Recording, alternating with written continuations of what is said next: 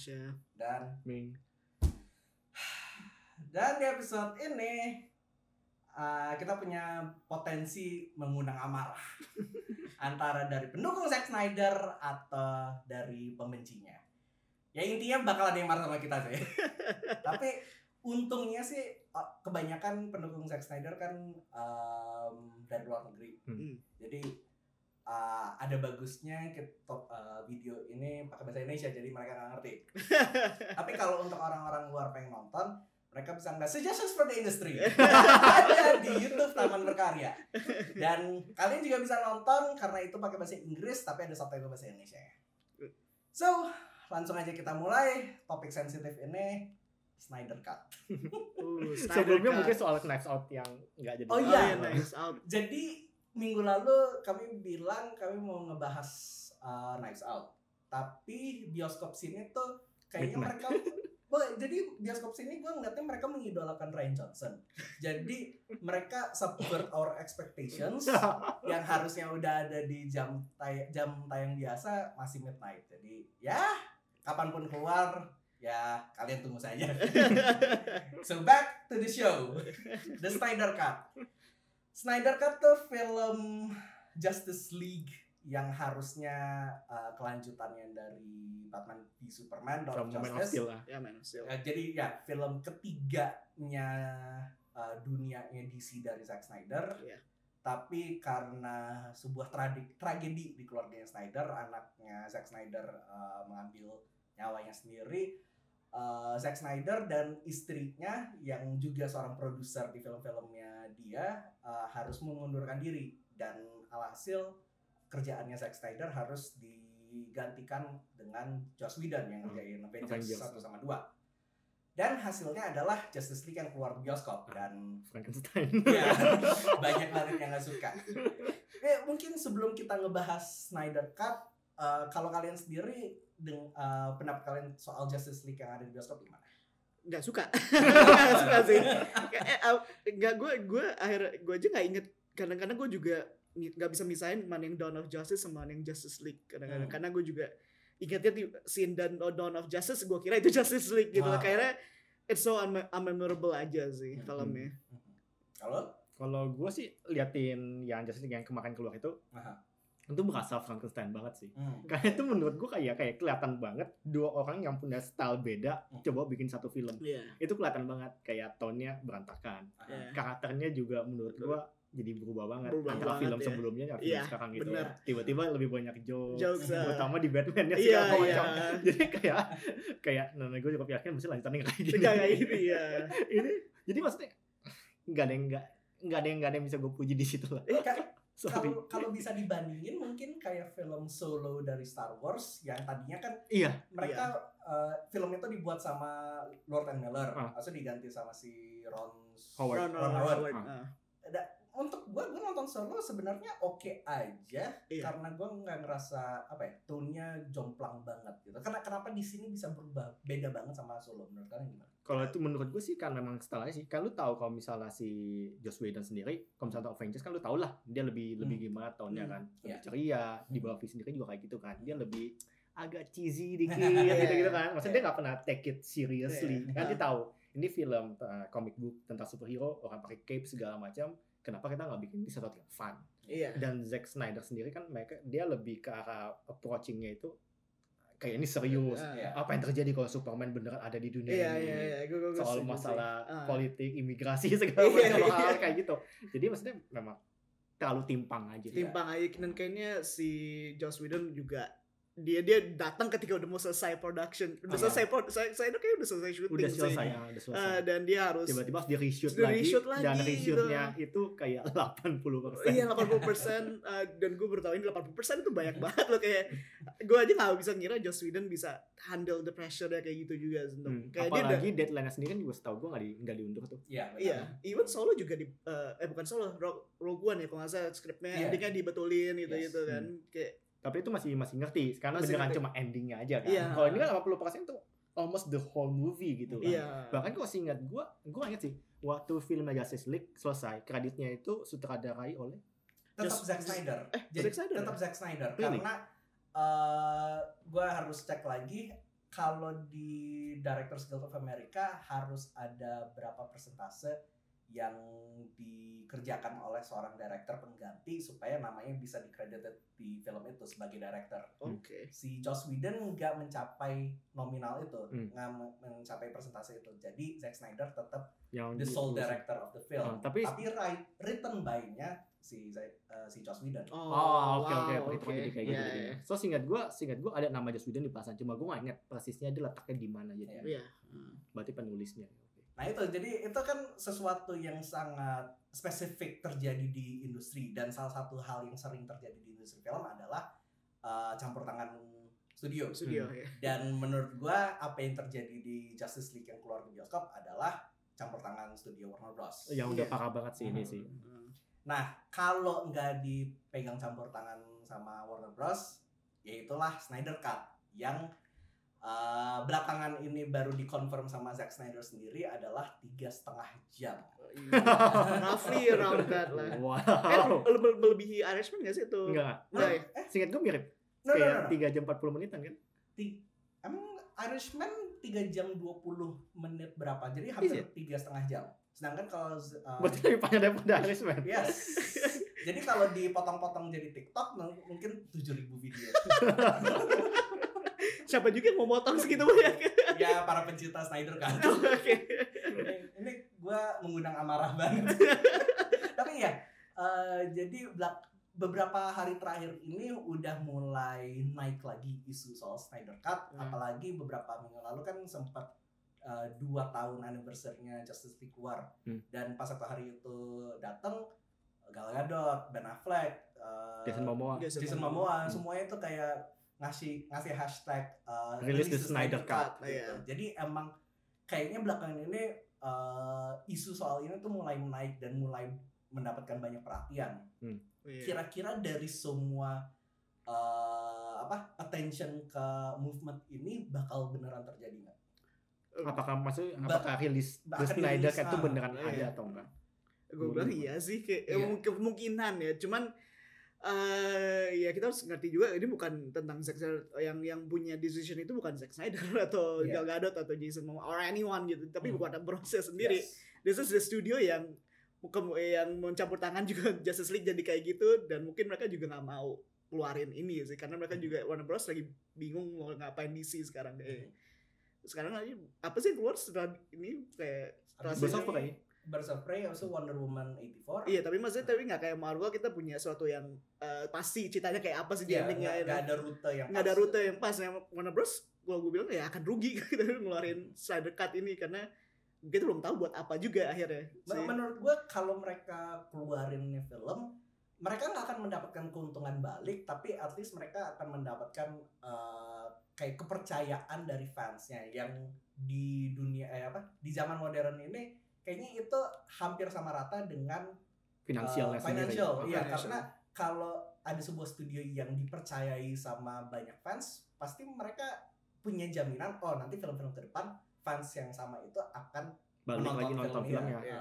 Ya, jadi menurut gua Snyder Cut itu ada atau enggak? Menurut gua pasti ada. Mhm. Karena Zack Snyder udah kerjain di film lumayan lama dan kalau misalnya dapat uh, directornya di situ kayak di kreditnya dapat jadi gue cukup yakin dia pasti bikinnya lumayan banyak Iya. jadi udah pasti ada masalahnya itu adalah seberapa selesainya kah filmnya Ah, oke. itu Iya. masalah seberapa kapinya udah ada itu Benar, film benar. maksudnya apakah dia sekarang dia cuma nyampe uh, tahap ambil gambar selesai Hmm. jadi sama sekali belum diedit sama dia gitu Iya. kan misalnya kan atau dia udah udah edit tapi di bagian efeknya masih rough banget gitu kan kita Hmm. nggak tahu jadi kalau misalnya untuk para fans Snyder lu kalau misal berharap dia si suatu saat Warner Bros. bakal keluarin Snyder Cut dan udah rapi itu uh, menurut gue sih kayak bener-bener long shot banget sih. Kalau misalnya let's say tiba-tiba Warner Bros. bakal keluarin Snyder Cut menurut gue itu bakal jadi suatu kayak deleted scene. Hmm, Iya. oke. mungkin suatu kayak itu jadi dia bakal keluarin ada dua versi. Pertama versi yang ada di bioskop punya yang kita tahu. Hmm. satu lagi versi Snyder Cut dengan deleted scene. Oh, oke. Basically Spider-Man Far From Home pas satu film yang baru keluar kan sempat ada beberapa adegan yang deleted scene yang dimasukin lagi Hmm. gitu kayak gitu dong mirip kayak gitu, mirip kayak gitu. Jadi apalagi kalau misalnya yang Endgame yang kemarin selesai, terus mereka tayang di bioskop lagi, kok nggak salah di bagian akhir kan mereka lihat tuh adegan Ah. di Hulk-nya itu yang nolongin orang, Hmm. tapi dengan CGI yang masih rough banget. Iya. Ah. Nah mungkin bakal hasilnya sih antara segitu atau mungkin lebih parah lagi. Hmm. Karena mau gimana pun kayak lu yang tadi, kalau misalnya dia sekarang tiba-tiba rilis, Hmm. itu bukan bukan sesuatu yang bisa menjamin finansial juga. Finansial Buat juga. apa gue keluarin duit sebanyak ini untuk rapiin CGI lagi, Ya. untuk biaya render segala Iya, macam, dan ternyata gak balik modal. Iya. Itu kan gak masuk akal juga kan Iya. kalau misalnya dari dari dari sudut pandang bisnis. Iya. Kalau misal emang suatu saat gue keluarin, gue lebih milih keluarin apa adanya aja. Jadi Iya. kayak Hmm. apa Snyder Cut itu ada? Yes ada. Lu pingin dia scene ya? Ini dia deleted scene. Delete ya. Eh, ada satu orang yang gue sangat uh, look up to yang lo udah pernah ketemu namanya Pete Docter Hmm. dia ada satu kalimat dari dia yang gue sangat suka banget yaitu sebuah film nggak pernah selesai mereka cuma ditayangkan saja. Yes. Iya. Nah itu yang sebenarnya gue pengen para pendukung Snyder Cut mengerti kalau Snyder Cut tuh pasti ada sama kayak film solonya uh, Lord and Miller tuh juga ada. Those cuts exist Hmm. tapi nggak berarti itu selesai 100%. Dan bisa di layak tonton Layak lah. tonton, Iya, let's betul. say kayak gitu. Jadi, jadi maksud gue tuh cut emang pasti ada tapi apakah itu 100% visi Zack Snyder filmnya harus kayak gini enggak juga karena itu masih sebuah film tuh akan selalu dikerjakan sampai beberapa minggu sebelum filmnya ditayangkan. Jadi Yes. untuk me- untuk ngasih tahu kalau oh Zack filmnya Zack Snyder udah selesai berbulan-bulan sebelum filmnya keluar itu agak arogan dikit sih. Mm, karena enggak kayak mereka biasanya itu selesainya aja kayak kayak misalnya tiba-tiba deadline misalnya udah harus rilis uh, minggu kedua nih misalnya. Mhm. Itu biasanya bahkan kita udah baru bisa delivernya itu minggu lalu. Iya. Itu kayak bener-bener baru rapi semuanya. Kita baru selesai render, itu baru bisa udah udah selesai di kom bener-bener udah rapi. Itu baru udah tinggal kirim itu kayak biasa seminggu sebelumnya. Seminggu sebelumnya. Yes. Ah. Itu bener biasa bener mepet banget karena mereka biasa usahain kayak bisa kita bisa nge-push sejauh apa ini. Iya. Maksudnya kalau misalnya let's say tiba-tiba gue udah selesai sebelum, sebelum sebulan sebelumnya, itu pun pasti mereka masih bakal tweak. Bakal dipakai atau enggak, kita nggak tahu. Mhm. Bisa aja kayak, oh ternyata enggak deh gue lebih suka yang dulunya. Bisa aja dia ngomong kayak gitu. Iya benar. Tapi iya, mereka bakal terus-terusan tweak. Nyampe waktunya udah mepet, baru dirilis sama baru dia. dirilis ya. Iya itu itu harus dipertimbangkan banget sih karena ya emang nggak walaupun ada Snyder Cut ya itu gue setuju banget ya it will take time banget sih untuk ngeluarin ini juga jadi suatu yang komplit dan Hmm. kayak nggak nggak ada yang mau businessman nggak ada yang mau ngambil risk itu juga Yes. gitu Hmm. buat apa well ya kalau itu dari segi filmnya dan of course dua tahun terakhir ini isu ini tuh sangat apa ya sangat melekat banget di hati para pecinta Zack Snyder sampai mereka ngeganggu ya agak mengganggu uh, setiap kali ada film Warner Bros keluar pasti di sosmed mereka nulis release the Snyder Cut gitu Hmm. jadi uh, persepsi kebanyakan orang ke para pendukung Snyder Cut sebenarnya agak menurun. Hmm. Tapi gue mau uh, membahas satu sisi positif dari movement ini yaitu uh, hal ini semua terjadi kan sebenarnya karena anaknya Zack Snyder uh, bunuh diri. Hmm. Nah karena karena itu isu yang penting banget dan para pendukung Snyder Cut mengerti kepentingan isu ini, mereka membuat sebuah charity. Hmm. Uh, mereka mendukung charity American Foundation for Suicide Prevention, di mana semua uh, dana yang terkumpul untuk memajukan movement ini akan didonasiin ke charity itu. Dan untuk gue itu sesuatu yang bagus. Jadi Iya. Apakah kalian ngedukung Snyder Cut atau enggak? At least kalau kalian mau melakukan sesuatu yang baik, inilah caranya. Iya, gitu. ini juga gue juga agak kaget sih. Soalnya kan biasa kalau misalnya mereka minta nge-push uh, studio untuk Hmm. ngeluarin apa yang mereka mau kan biasanya kadang-kadang agak anarkis tuh. Iya. Jadi mereka kayak gue bakal boykot semua film Yes. dia, nyampe dikeluarin nggak dikeluarin lagi filmnya Iya. segala macam kan. Iya. Jadi gue agak uh, seneng aja sih. Ya, ini mereka memang maksa untuk Release the Snyder Cut, Hmm. tapi mereka melalui hal yang lebih positif lah, Yes. Ah. lebih positif gitu. Jadi kita nggak coba kayak boykot gue gak mau nonton, Ah. orang paksa nggak boleh nonton segala macam. Tapi mereka bil- lebih mirip kayak, oke gimana kalau misalnya duitnya sendiri bisa kita galang untuk taruh di charity gitu Iya. misalnya kan. Dan sekalian waktu itu kasih tahu kayak eh tolong rilis di saat bersamaan otomatis itu jadi bisa dilupakan Jadi intensif doang dong jadi. Insentif. Kayak bonus tambahan gitu. Eh, bonus Iya, tambahan. tapi maksudnya kan kayak kayak kayak at least they they did they do something positive Iya Yes. sih, ya. Jadi kalau eh, lo kalau ke Wikipedia ini ada satu apa halaman panjang soal Justice League Snyder Cut ini sih. Tapi kalau gue ngerasa ini tuh bisa apa ya meninggalkan sebuah titik di sejarah perfilman. Karena yes. ini salah satu momen yang apa ya yang penting lah di era superhero films ini. Dan dengan titik di sejarah ini salah satu halnya adalah membantu charity itu itu untuk gua sesuatu yang Sesuatu yang bagus. Iya, yang bagus iya. ah saya cerita sih kalau bisa di filmnya sendiri juga sih karena kita tahu ini filmnya sendiri keluar kan waktu dan tadi lagi booming superhero superhero nya kan Yes. Iya. dan kalau misalnya Justice League itu kan kayak salah satu uh, kelompok superhero yang lumayan terkenal lah Mhm. dan itu udah lama banget uh, studio lagi coba bikin ini film Iya. dan akhirnya keluar dan kita tahu hasilnya gimana. Apalagi dengan pakai nama Justice League gitu kan Ah, dulu iya. tahu beberapa tahun sebelumnya mereka baru keluarin Avengers dan Mhm. hasilnya gimana Mhm. begitu keluar Justice League hasilnya gimana Iya. jadi itu pun juga menurut gue bakal liatin bakal ninggalin jejak di sejarah perfilman sih kayak what went wrong sebenarnya Iya, di film ini Iya. apakah cuma karena tadi bilang tadi kasus karena si Zack Snyder turun Iya. atau sebenarnya banyak banyak banyak faktor eksternal lainnya Hmm. Maksudnya kayak kayak kalau gue inget sebelum even sebelum uh, kejadian yang terjadi kepada keluarga Snyder pun Mhm. udah ada rumor bahwa Warner Brothers sudah mau turunin Zack Yes, Snyder yes. gara-gara Karena udah kacau banget, ah. karena udah kacau banget Ah, gitu. karena waktu itu juga mereka kan uh, Warner Bros sendiri lagi kayak gimana ya begitu diprotes mereka itu reaksinya kayak heboh banget tuh Iya. nah, jadi waktu Man of Steel nggak reaksinya kayak oke lah middle Mhm. gua sendiri I like Man of Steel Iya. tapi untuk film selanjutnya BVS kayak gua rasa semua setuju di sini Iya. di meja ini kayaknya filmnya kurang Yes. Tapi that's not itu ada extended juga kan kalau nggak salah. ada tanda gue udah nonton gue udah nonton juga and ya tetap masih kurang sih Dan ini Nah. Justice League tiga setengah jam loh.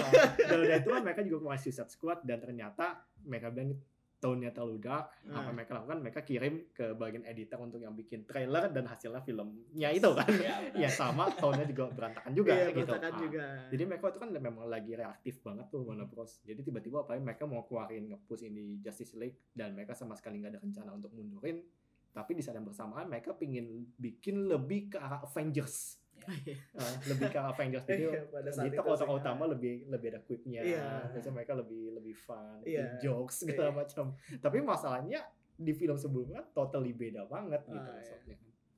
Well, gua gua kalau dari situ gua ngelihatnya studio tuh nggak terlalu merhatiin what makes a film great. Mereka pedulinya what makes a film bankable. Yang Nah. penting Benar banget.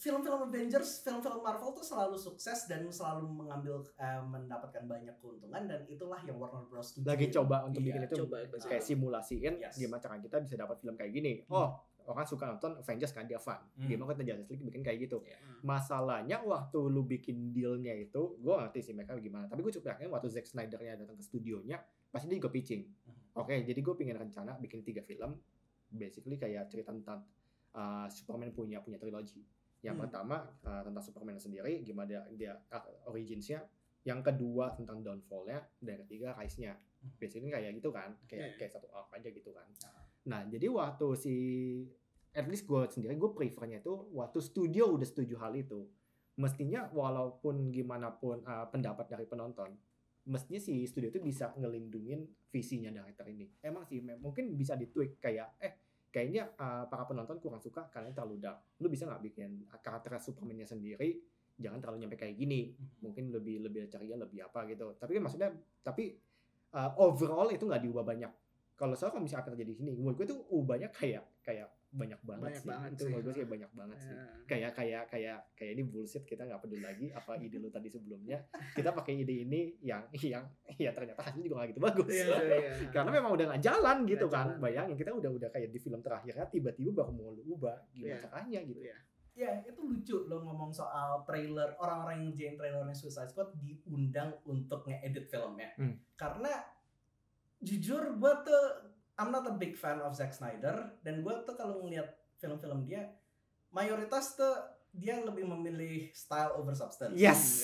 Dan karena itu gue mikir dia tuh dia nggak begitu cocok jadi director sebuah film tapi dia kalau disuruh jadi director iklan-iklan itu bagus. iklan Itu musik ya, video Yes. ya kan Yes. karena Ah. gue juga lihat sama kalau misalnya pendapat gue tentang style Jack Snyder itu sama dia itu ber- kayak stylish banget Mhm. jadi dia lebih mentingin kayak apa yang terjadi di sini adegan di sini Mhm. itu seberapa megah yang kita lihat di sininya Hmm. tapi apakah itu convey sesuatu ke penonton not really itu Iya. gitu tapi tapi itu stylistic banget gitu Ya, kan musik, ah. jadi emang agak cocok kalau misal lu bikin film-film dari comic book yang kayak 300 Mhm. Iya. maksudnya kayak kayak ceritanya itu cepat singkat lah semua kan bisa ngerti apa yang terjadi di Iya. situ kan tapi gue pingin lihat banyak adegan stylish di sini Ah. lagi berantemnya segala macam Iya. dia cocok banget bikin film kayak gitu tapi kalau misalnya filmnya udah mulai kompleks ceritanya Hmm. itu menurut gue agak agak kurang sih dia Iya. agak susah seimbangin antara style uh, yang dia pengen banyak stylish ini sini sama substance sendiri selain Justice League juga dia pernah bikin Sucker Iya, iya. iya. Gue gue baru mau ngomong case lu ya, ingat itu. film yang gue bakal gak tau apa yang terjadi di situ tapi itu luar biasa stylistic itu itu gue gak tau itu graphic novel atau dia bikin sendiri I don't know kayak kayak dia bikin dia original ide dia mungkin kayak dan itu itu kayak kompleks banget sih sebenarnya ceritanya kayak lu tau gue gak tau apa terjadi itu film tapi gue ingat itu stylish banget. Iya itu stylistic banget sih ceritanya berubah waktu dan berubah zaman gitu sih gue Seven gue gak tau apa terjadi. Kayak video game gitu.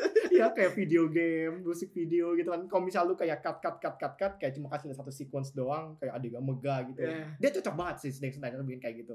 Tapi kalau misalnya semua adegan sequence yang di cut cut tadi lu jadi gabung di satu film ya mm, debatable. Ini juga direct also of Gahul animasi Oh, iya, film animasi ya dia yang itu. luar, biasa slow pace It's slow pace kebanyakan ngomong. banget. dan lu tahu kan apa yang terjadi kalau misalnya dia direct slow pace ya. Hasilnya kayak Gahul itu luar biasa membosankan. Itu film pertama dari trilogi Guardians kan? Emang iya. Seingat gue dia bakal ada sequel lagi semestinya bukan bukan. Jadi itu kan Legends of the Guardians. Eh bukan bukan Bukan, yang bukan. yang burung yang Yang burung. burung. yang Yang burung hantu. burung iya hantu. kan itu kayak subtitlenya The Owls of Gahul iya also Judul Gahul filmnya Legends of the Guardians kan oh iya emang Iya. iya gue ngerti kayak Guardians of Gahul atau apa Iya, gitu jadi kalau nggak salah judul utamanya Legends of the Guardians terus bawahnya Guardians of the Gahul. Terus Oke. setelah itu ada film The Rise of the Guardians yang itu apa? yang Jack Frost Itu segala ya, macam. itu. Terus ada Guardians of the Galaxy. Jadi itu emang trilogi Guardians. mulai dari yang paling parah gitu ya sedikit demi sedikit tambah bagus. ini tambah bagus Nah, eh, ya lo ngomong kalau Zack Snyder tuh dia lebih bagus kalau fokusnya ke bagian-bagian yang perlu style. Hmm.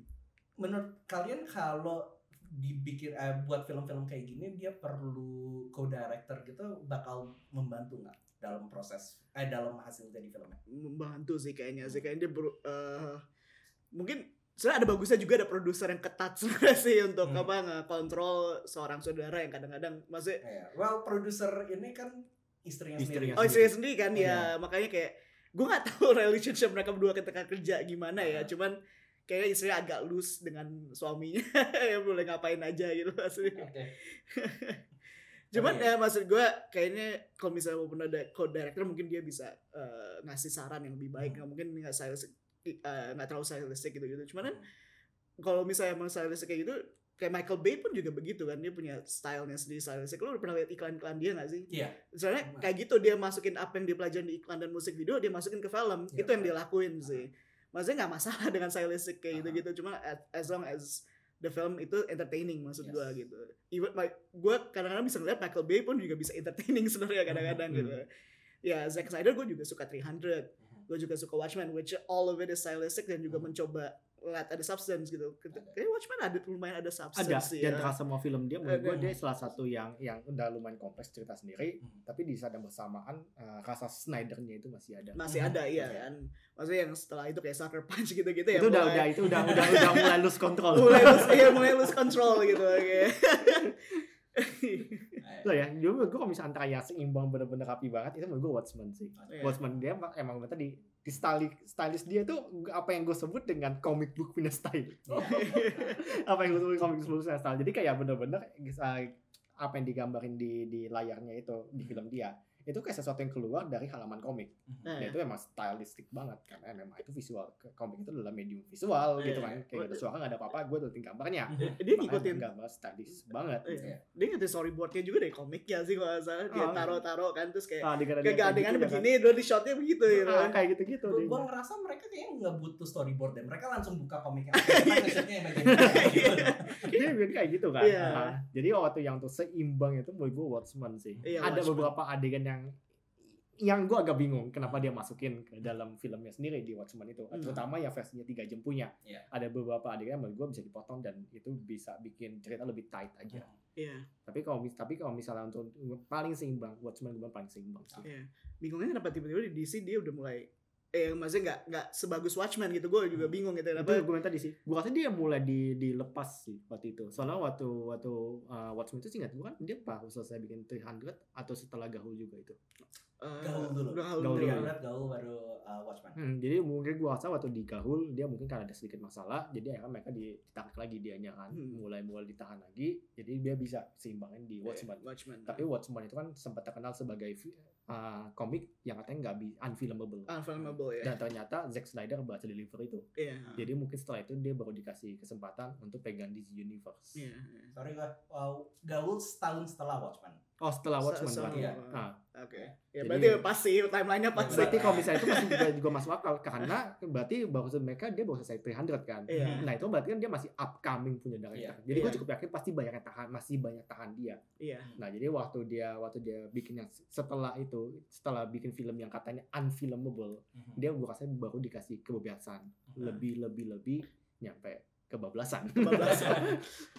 Oke, kita balik lagi ke Snyder Cut. Hmm. Dan karena kita ngebahas directing stylenya Zack Snyder, kita udah tahu kayak gimana dan kita udah tahu Snyder Cut sendiri itu tiga setengah jam. Gimana menurut kalian? Menurut gua ng- nggak akan terlalu membantu sih. Maksudnya separah-parahnya Justice League yang ada di bioskop, menurut gua kalau gua nonton tiga setengah jam original Snyder Cut itu nggak akan mengubah pikiran gua kalau oh ini film tetap sama aja gitu.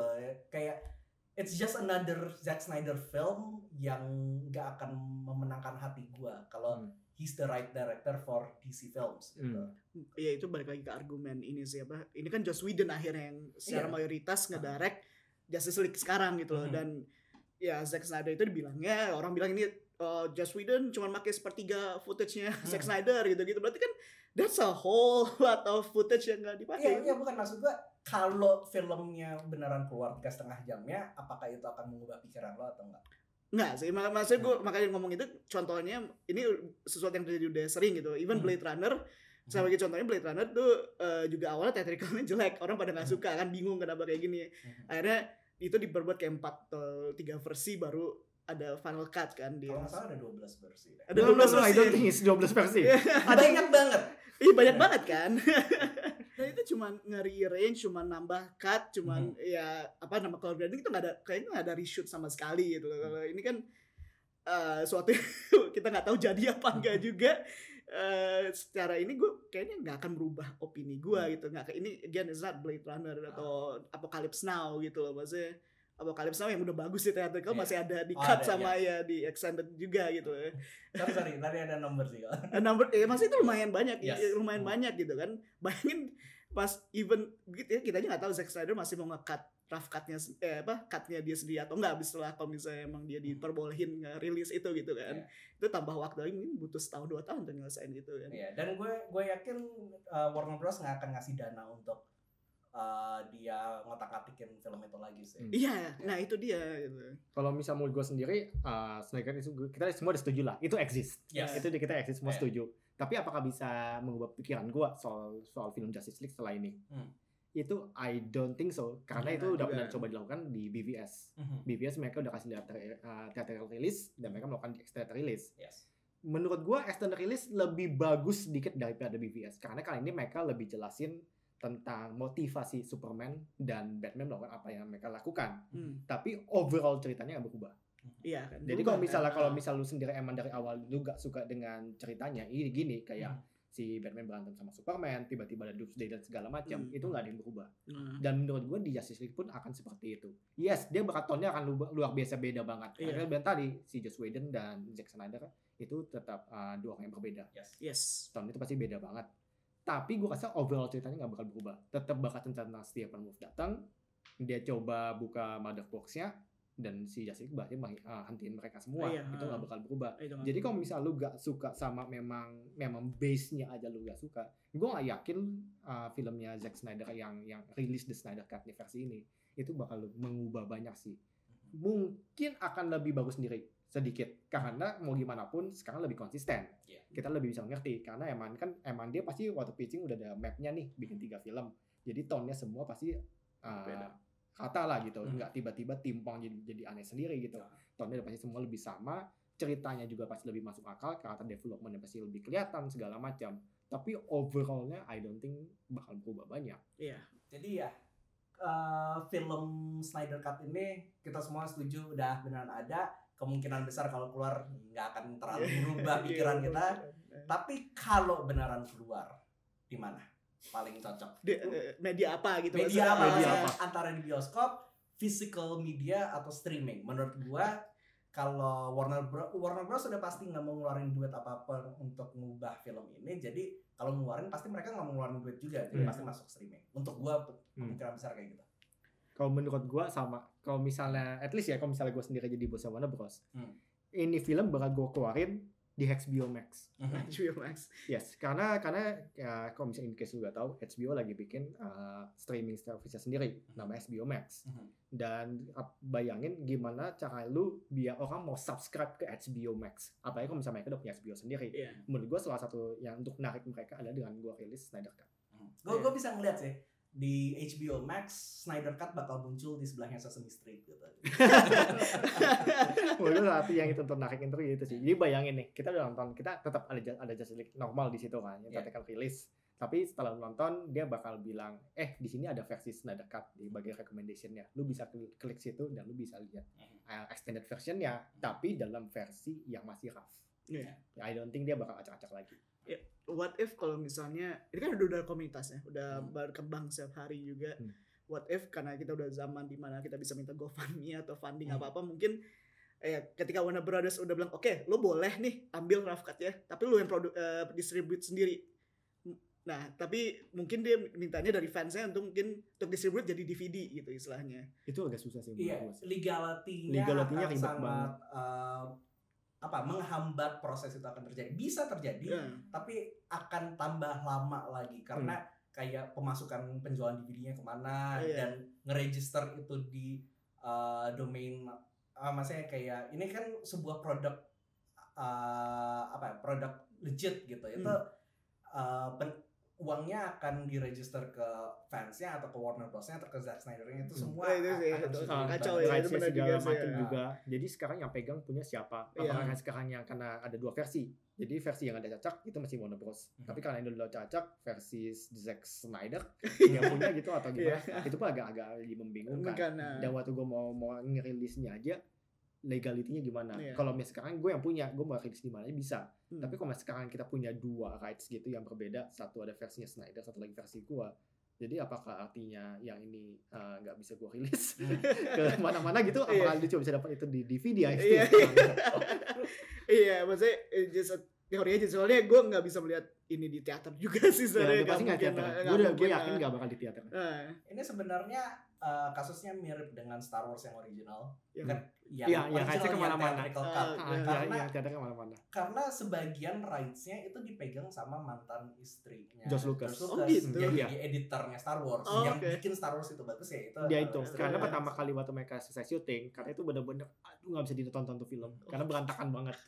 Akhirnya diselamatin di bagian editing. Oke. makanya nyam- makanya rights-nya itu nyampe dibagi eh, bisa dipegang sama istrinya Ah, karena istrinya itu salah satu yang yang bikin Star Wars jadi Star Wars sekarang. Oke. Eh, Jadi ya kalau kalau bertahun-tahun sampai sekarang aja theatrical cut Star Wars aja nggak keluar, gua agak meragukan sih Snyder Cut bisa keluar. Ah, apalagi dengan versi yang harus dia cacak lagi gitu. Tapi kalau misalnya versi yang yang cuma halfnya itu yang dia tadi tiga setengah jam itu udah ada, Mhm. itu kalau misalnya dirilis, gue cukup yakin chance itu lumayan gede. Terutama apalagi setelah yang Twitter keluarin itu. Iya.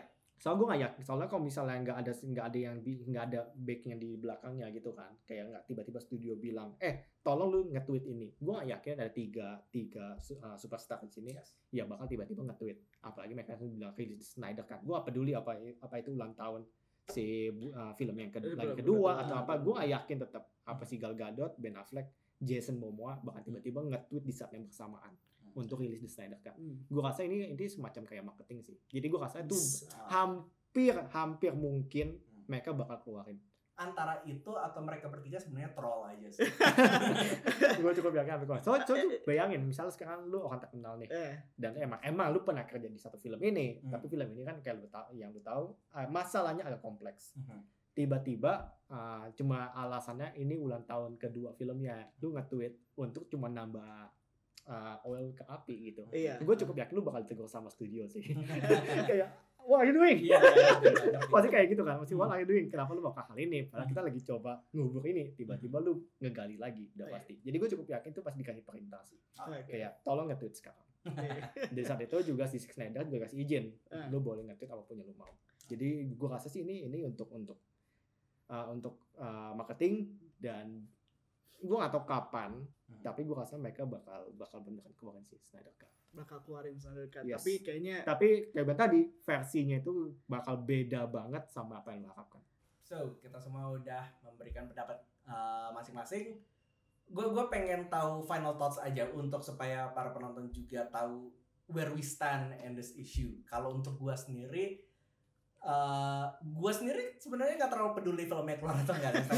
Tapi kalau seandainya keluar, gue seneng para fans bisa mendapatkan uh, apa yang mereka mau. Hmm. Gue gue at least gue bakal nonton untuk ngeliat sebenarnya si Zack Snyder rencananya gimana gitu dan yang gue paling seneng dari semua kesa- uh, kejadian ini adalah uh, charity-nya itu untuk gue yang nomor satu sih up, up, filmnya bisa keluar atau enggak gue nggak peduli yang penting charity-nya bisa jalan terus ya Hmm. itu Cukup. untuk gue kalau gue sih ya gue terpukau dengan apa yang terjadi ini kalau gue sendiri pun gue nggak tahu kronologinya sepanjang ini gitu loh Hmm. Ya, pas gue yang gue tahu ya Snyder kena uh, kena su- uh, situasi yang berat gitu gitu dan gue emang merasa kasih passionate kepada dia dan kalau dia dan fans-fans emang mau Snyder Cut-nya itu keluar ya nggak apa-apa gitu nggak masalah but tapi gue lebih looking forward apa yang ke depan di DC sekarang ya itu yang Wonder Woman atau apa yang uh, Birds of Prey. Birds of Prey gitu-gitu karena Shazam udah bagus gitu ngapain kita balik lagi ke Justice League minta dikeluarin lagi apa Yes. balik lagi ke topik itu gitu. Loh. karena ya udah udah jadi udah jadi gitu loh. Udah terjadi mau diapain. Karena Iya. banyak banget yang ah, ya pembuat lain yang juga nggak dapet uh, chance itu gitu loh. Hmm, sama sih kalau misalnya yang ya kayaknya saya semua setuju lah. Kalau misalnya yang paling penting itu adalah soal charity-nya tadi. Yes, oh, Nah, tapi juga kita nggak bisa lupain soal yang DC-nya tadi itu masa depannya gimana. Mhm. karena eh ya gue setuju. Di situ nggak punya clear cut satu map mereka udah bikin pasang tapi di saat bersamaan gue lebih suka DC yang kayak gini Mhm. kalau misalnya bikin map kayak gini kita nggak bakal dapet Joker Hmm. itu udah pasti oh iya benar-benar sih benar kita udah pasti nggak dapet Joker Eh, itu benar kita banget. dapat sih. Joker adalah karena ada kasus kayak gini karena mereka masih bingung kita ngapain jadi mereka lebih suka ambil risk jadinya kan Ah. mereka berarti keluarin yang Shazam yang yang filmnya tuh fun banget tiba-tiba tiba-tiba next thing yang lu tahu mereka bikin Joker kan Iya. yang yang kayak totally beda Iya, sama ini iya, itu benar dan gue lebih sih. suka kalau bisa bikin uh, DC yang kayak gitu dan untuk Zack Snyder-nya sendiri sih uh, kayak tadi katanya dia sempat bikin short film lagi ya Ah, iya, oh iya, tapi nggak ada hubungan dengan DC. iya, ya. gue juga pengen. Jadi gue maksudnya kan setelah setelah itu dia turun. Jadi untuk sekarang sih kalau misalnya dia mau istirahat sih, ya gue ngerti sih kayak emang ini berat banget. Apalagi tiba-tiba ada itu. Cuma ya cuma ya, Eh, gue juga pengen tahu aja sih kayak kayak nextnya kalau misalnya dia bakal balik dia bakal bikin apa. Eh, gitu gue gue mau dia balik lagi tapi nggak ngurusin superhero yang terlalu besar aja sih. Ah, ah, gue mau dia kayak lihat dia balik ke balik ba- base-nya base-nya lagi dia lagi yang- Soalnya dulu pertama yang terkenal juga kalau dia bikin kayak Dawn of the Dead something. Oh, iya, dia kayak, Dawn of the Dead, remake. zombie Iya. movie kayak gitu kan. Yes. gue mungkin lebih sesuatu yang balik ke film indie kayak Iya. gitu lagi sih. Kalau misalnya untuk gue sendiri. maksudnya even M Night aja bisa gitu sampai Ah, sekarang. jadi jadi jangan tahu banyak kayak tadi kalau misalnya kasih banyak pun gue pengen ada seseorang yang bisa nahan dia Iya. nahan dia sedikit lo tadi ngomong soal Joker gue jadi kepikiran kayaknya apa di situasi DC ini emang harus hancur dulu untuk dapat Joker karena kalau nggak hancur kita dapat film Joker yang main Jared Leto. itu hancur lagi Iya. Gitu. Jadi ada sil- silver liningnya sih. Iya, even Jared Leto aja kesel kok gue gak jadi Joker sih.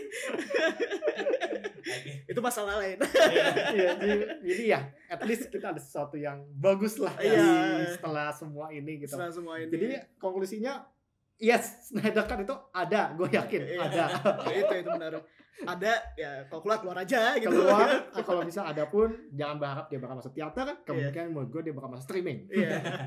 dan kalau misal udah keluar pun dia bakal jadi rough banget jadi Yes. tolong jangan bilang eh tolong keluarin duit untuk biaya ini nih kan nggak bikin film itu nggak murah gitu Iya.